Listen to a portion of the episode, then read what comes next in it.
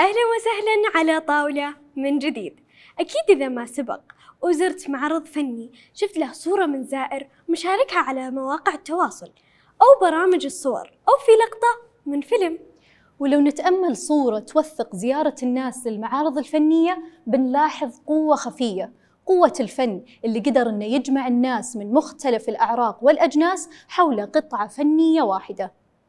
الفنون البصرية واحدة من لغات التخاطب بين الشعوب، وأيضا واحدة من أهم أدوات نقل الثقافات.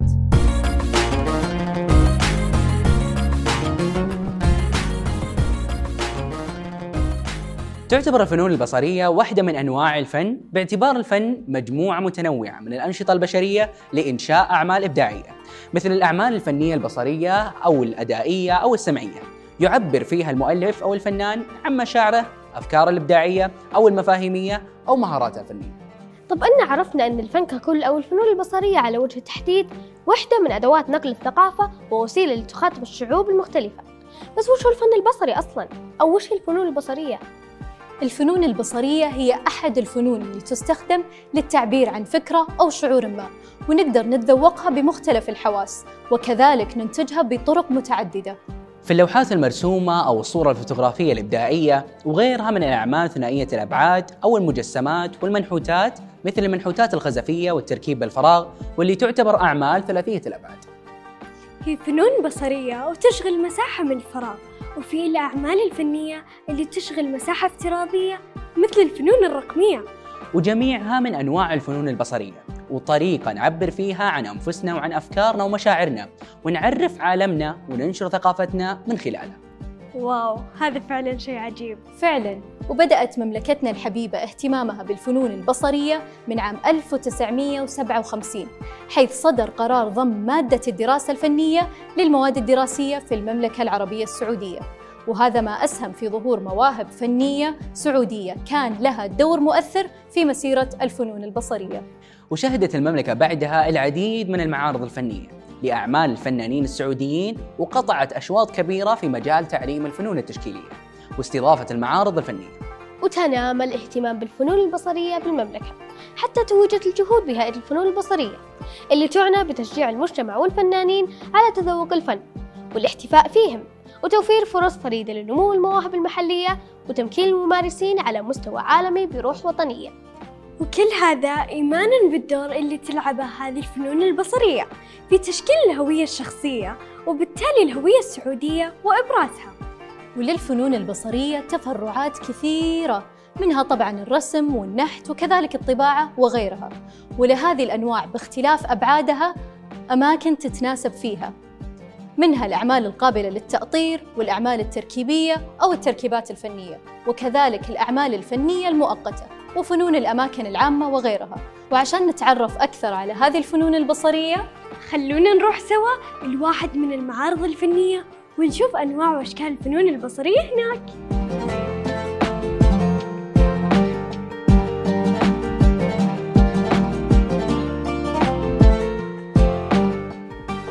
الآن في مكان يهتم بالفنون البصرية.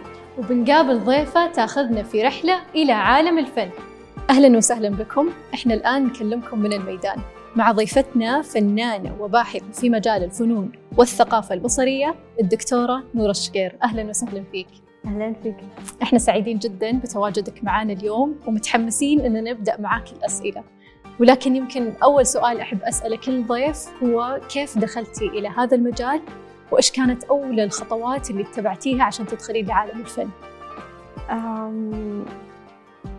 صراحة يعني أنا ما ما خططت إني أدخل له ولقيت نفسي فيه اوريدي من يوم ما كنت صغيرة آه، كنت أمارس الفن آه، كانوا آه، أهلي وأخواتي يعني يعلموني كيف أرسم بعض الأشياء وردة جميل. أشياء مختلفة.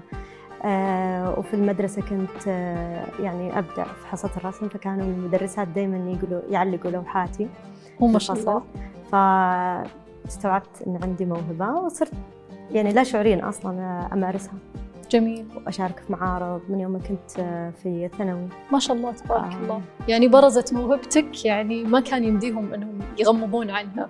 هذا اللي تقصدينه صح؟ بالضبط يعني ما في شاء تبارك كانوا. يحطوا لوحاتي في جميل المعارض جداً. وكذا. وحتى الدعم من الأهل أحس يساعد لما أنهم يلاحظون جداً. عندك هذا الجانب ويدعمونك فيه بس كيف اخترتي أنه مو بس الفن حيكون آه، موهبة عندي أنا أبي أدرسه هنا نقطة يمكن مو كثير يتجرؤون أنهم يتخذونها فودي أسمع منك دكتور فعلا آم، في الثانوي كان عندي ثاني ثانوي كان عندي خطط أدخل تخصصات مختلفة ما لها علاقة بالفنون ثالثة ثانوي لما تخرجت على طول دخلت يعني قدمت على التربية الفنية اللي كان موجود في جامعة الأميرة نورة في جميل ذاك الوقت. ولا شعوريا يعني حتى ما كان في أفكار أو احتيار أبد. على طول قدمت تبارك ودخلت. جميل جدا. فأنت تقريبا سخرتي الأدوات اللي موجودة حتى مع التقنيات الحديثة فإنك تصنعين فنك. بس آه من وين تجي نقطة الإلهام؟ يمكن كثير ناس يحسب أن الفنان يجي يوقف ممكن هذه تحصل. أنت نورينا بال- بالعلم. أنه يجي يوقف يقول أنا برسم مثلا آه، لوحة زرقاء وفيها أنوار وفيها وأحيانا لا إحنا نشوف أن الواحد يبدأ ويحصل نفسه في وسط عالم قاعد يرسمه وما كان مخطط له. فودي تحكي لنا أكثر عن كيف هو الفن؟ مو شيء مخطط وأحيانا ممكن يكون مخطط. فعلا مثل ما ذكرتي أحيانا يكون عندك فكرة تبي توصليها فتبدأي بالتجربة تبدأي بسكتشز تبدأي بماكيت اللي هي بروتوتايبس يعني نماذج صغيرة نماذج آه، مصغرة آه، على حسب طبعا المشروع وطبيعته. واحيانا وتجرب تجرب تجرب وياخذك عاد إلى مسار. الممكن المسار ما يوصلك للفكرة الأساسية يوصلك لفكرة ثانية. صح. انت ما تخيلتيها. وأنا أعرف بعد واحد من يعني أصدقائي رسام كان يقول لي دائما إذا جتها فكرة أي ما تجي يعني من أي مكان يوقف. أول شيء تجيه من أماكن كثيرة. وثاني شيء إذا خلص من رسمها ما على طول يعلقها يخليها قدامه ويعيد في رسمها ويعيد ويزيد. وش هي العوامل في الفنون البصرية خاصة اللي تقدرين تتحكمين فيها واللي ما تقدرين تتحكمين فيها؟ آه مثل ما ذكرت إنك لما تبدأ تجرب آه ما تقدر آه يعني تتحكم بالنتائج اللي راح تطلع من استخدام المواد والتجريب. يعني مثلا الليزر آه، ماشين آه آلة الليزر آه لما أبدأ فيها يكون عندي خطة. أبدأ مثلا أصنع الملف آه ببرنامج الستريتر أجي آه خلاص أجهزه للقص في الليزر. أجيب المواد. فجأة آه تطلع لي النتيجة ما تخيلتها ينحرق الخشب مثلا. فأنا هنا أحيانا يفيدني وتطلع نتائج مرة حلوة وأحيانا لا يخرب. بس أنا أتعلم منه شيء إنه أوه لازم أقلل درجة الحرارة لازم مثلا أستخدم آه، ماتيريال مختلفة وهكذا آه، خامة مختلفة. جميل جدا. وهذا ترى يعني يقودني لسؤالي الآخر. أه لما نشوف لوحات نحس إنه طب كيف النقاد الفن؟ يفهمون عن الرسام. طب كيف الرسام؟ يعني خصوصا في اللوح يعني الأعمال الفنون البصرية متعددة لكن خصوصا في اللوح يصير هذا السؤال لي طب كيف فهمتوا أن هذا قصده من من اللوحة؟ هذا فودنا نسمع أكثر. آه، طبعا أنا م- من خلال دراستي آه، درست الفنون يعني بشكل كبير آه، طول حياتي خلينا نقول. فكان من الأشياء اللي درستها اللي هو النقد الفني. يعني خلينا نقول أن النقد الفني بذاته يحتاج تدريب يحتاج تعلم آه، تعلم النظريات تعلم آه، ال- ال- المفاهيم اللي تكلم عنها المؤرخين والنقاد آه، في تاريخ الفن. في عدة يعني نقاط ممكن يبدأ فيها الناقد استراتيجيات. استراتيجيات نعم كلمة أفضل. استراتيجيات معينة يبدأ فيها ال- الناقد آه، لما يجي ينقد العمل الفني. كيف يعرف إيش قصد الفنان؟ هذا مع الخبرة مع العلم راح يوصل لهذه المرحلة. آه، من الأشياء اللي ممكن تتعلميها في دراستك آه، مثلا إذا دخلتي في مجال الفنون تتعلمي آه، بداية من أنك تروحي للمعارض الفنية زي المعرض الآن اللي إحنا فيه وتطالعي باللوحة. أول شيء لازم تطالعي فيها بشكل شمولي. بعدين تطالعي بأجزاء طالعي وت- وتبدأي تفككيها آه، تفهميها من ناحية اجتماعية من ناحية اقتصادية من ناحية آه، ثقافية جميل جدا. وهكذا يعني. يعني عميق جدا الفن كيف ممكن في لوحة تحكي قصة لمئات السنين. طبعا. فإحنا تكلمنا عن آه، أتوقع ذكرنا عدة أنواع من الفنون البصرية في خلال حديثنا بس ودي نسمع منك كدكتورة نورة إيش هي أنواع الفنون البصرية وكيف أن الفكرة المغلوطة أن الفن البصري هو بس لوحة ما هي صحيحة؟ آه، من أبدع الأسئلة اللي عمري سمعتها شكرا. آه، في مجالنا نواجه دايم آه، مشكلة أنه آه، في اعتقاد سائد أنه الفنون آه، الفن عبارة عن لوحة painting آه، أو ممكن مجسم ذات ولكن خلينا نقول أنه أهم معلومة ممكن نعرفها عن الفنون البصرية أنه هو يعني دائما متغير ما هو ثابت. مثل ما ذكرت أول سؤال لي أنه في كانت تقنيات كنت أستخدمها في السابق الآن توسعت التقنيات. تغيرت على مر السنين. تغيرت على مر السنين. الفنانين نفسهم هم يبتكروا هم اللي دخلوا هم اللي يتحدوا ال- ال- الشكل والحجم والمفهوم اللي يعني يكون فيه الفن في ذاك في, ذيك في, في, في تلك اللحظة اللي هم عايشين فيها. على طاري التحديات. وش كانت التحديات اللي مرت عليك؟ وش كانت حلولها؟ آه هذا أحد التحديات اللي أنا قاعدة أتكلم عن منه. من ناح- آه، كمثلا معلم آه، سابق بالفنون آه، سابق وحالي في الفنون. آه، إنه الفنون ما هي مجرد آه، هذا الشكل. لازم تفكر بشكل أوسع. شكل شمولي. الفن ممكن يكون شيء ثلاثي أبعاد ممكن ثنائي أبعاد ممكن يكون آه، شيء مؤقت ممكن شيء يختفي. مجرد توثق بصورة ممكن يكون آه، آه، تجربة. فالفن البصري أبعد من مجرد شيء محسوس. جميل جدا. هو كأنه هالة ما لها حدود واضحة وكل ما لها تتسع تتسع تتسع تدخل فيها كل أنواع الأشياء اللي في الحياة.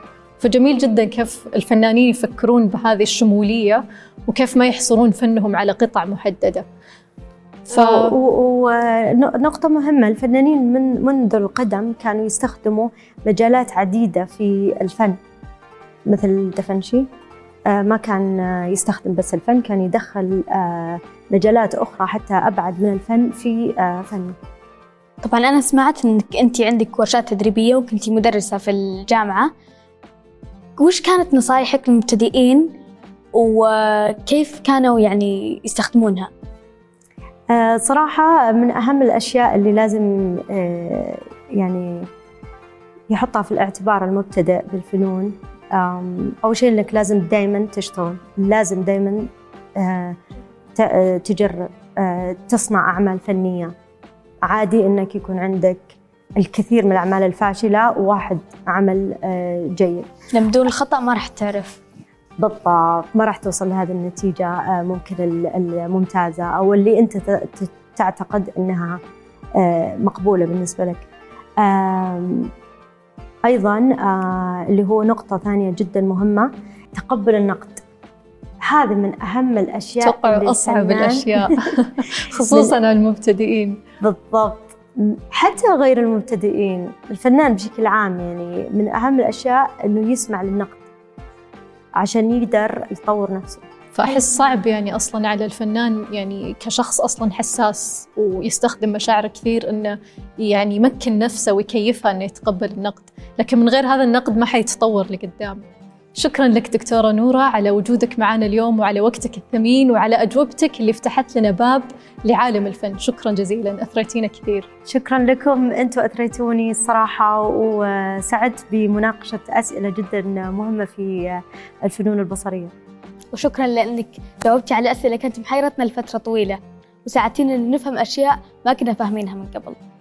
والآن بعد نهاية هذه الجولة في الميدان ننتقل إلى الطاولة من جديد.